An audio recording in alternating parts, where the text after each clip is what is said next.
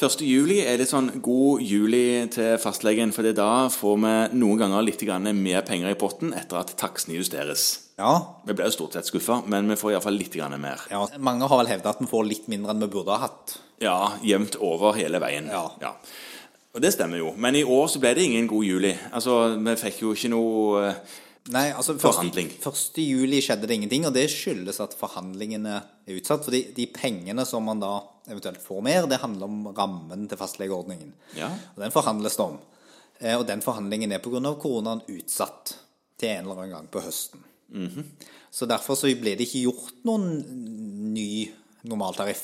Men alle fikk vel med seg, i alle fall de som fikk refusert regningskort fordi de var feil, at det skjedde noe med takstene den 6. eller noe sånt juli. Ja, og dette er jo Hvis vi skal være litt sånn politiske, så er dette byråkratiet på sitt beste. For det Stortinget vedtok at egenandelene skulle opp med 6,85 uansett.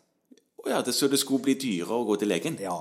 Pasientene skulle betale mer for behandling. Ja, men da, får- da tjente vel legen mer, da? Nei, for det de da valgte å gjøre, i og med at det ikke var såkalt økonomiendring, det er det at den totale regningen for staten skal fortsatt være den samme.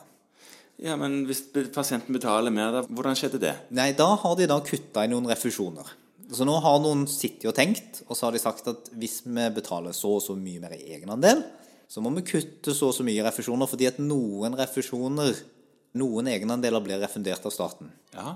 I dette litt avanserte regnestykket så er det sånn at fordi at noen ikke betaler egenandelene sine, så vil en ren økning, som du jo ellers kunne ha hatt, for det hadde ikke påvirka totaløkonomien noen ting, eh, for statens del Altså det ville ikke påvirke totalutgiften for staten, men det ville gjøre det fordi at noen, fordi de er barn eller gravide eller har frikort, får dekka dette, Ja. så måtte dette kuttes i refusjonen på en del andre ting.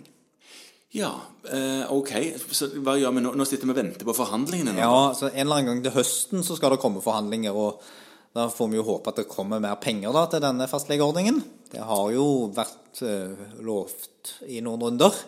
Ja. Og så har jo noen av oss spurt om det da kommer en etterbetaling, ja. i forhold til at det nå går noen måneder uten. U altså, 1. juli skulle det vært justert nå? Ja. ja. Nå er jeg ikke 100 sikker på hvordan det har vært med lønnsforhandlingene i andre bransjer heller. Nei. Men det vil jo vise seg. Veldig mange fastlegere er jo også arbeidsgivere og har betalt like mye i økte lønnsutgifter og andre utgifter. Det er et spørsmål. Men det, det kommer forhåpentligvis en forhandling og nok en endring i tariffen en eller annen gang til høsten. Men de fleste har sånne automatiske datasystemer, og takstene er kommet ned og endra seg. Det som er viktig å huske, er at det har kommet egenandel på noen takster som det ikke var det før. Ja, spesielt én som det er viktig kanskje å være klar over. For det var en sånn takt som en heiv på når en så Oi sann, brukte vi så lang tid? Og så hadde pasienten gått og betalt, og det gjorde ingenting, for du kunne hive på tidstakst uten at det betydde noen ting, fordi at pasienten var ikke belasta på den. Og der er det nå kommet 10 kroner i egenandel, så den må du få med. Så du I må, det pasienten, før pasienten betaler, ellers så vil pasienten få en regning på 10 kroner pluss ditt fakturagebyr. ja, det blir en veldig dyr tier. Det blir en veldig dyr tier.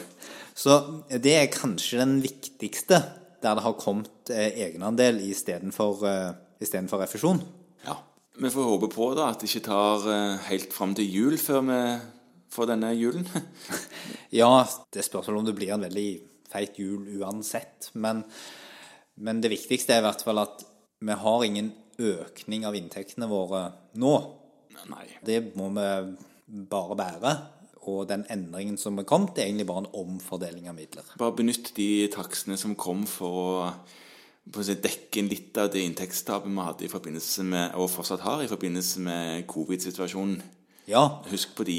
husk på de. Den takst 6, vel, den kan man fortsatt ta. Den kan man fortsatt ta, og det er fortsatt sånn at hvis du ikke har gjort det, eller plutselig kommer over noen, så driv oppsøkende virksomhet med disse som er i covid-risiko.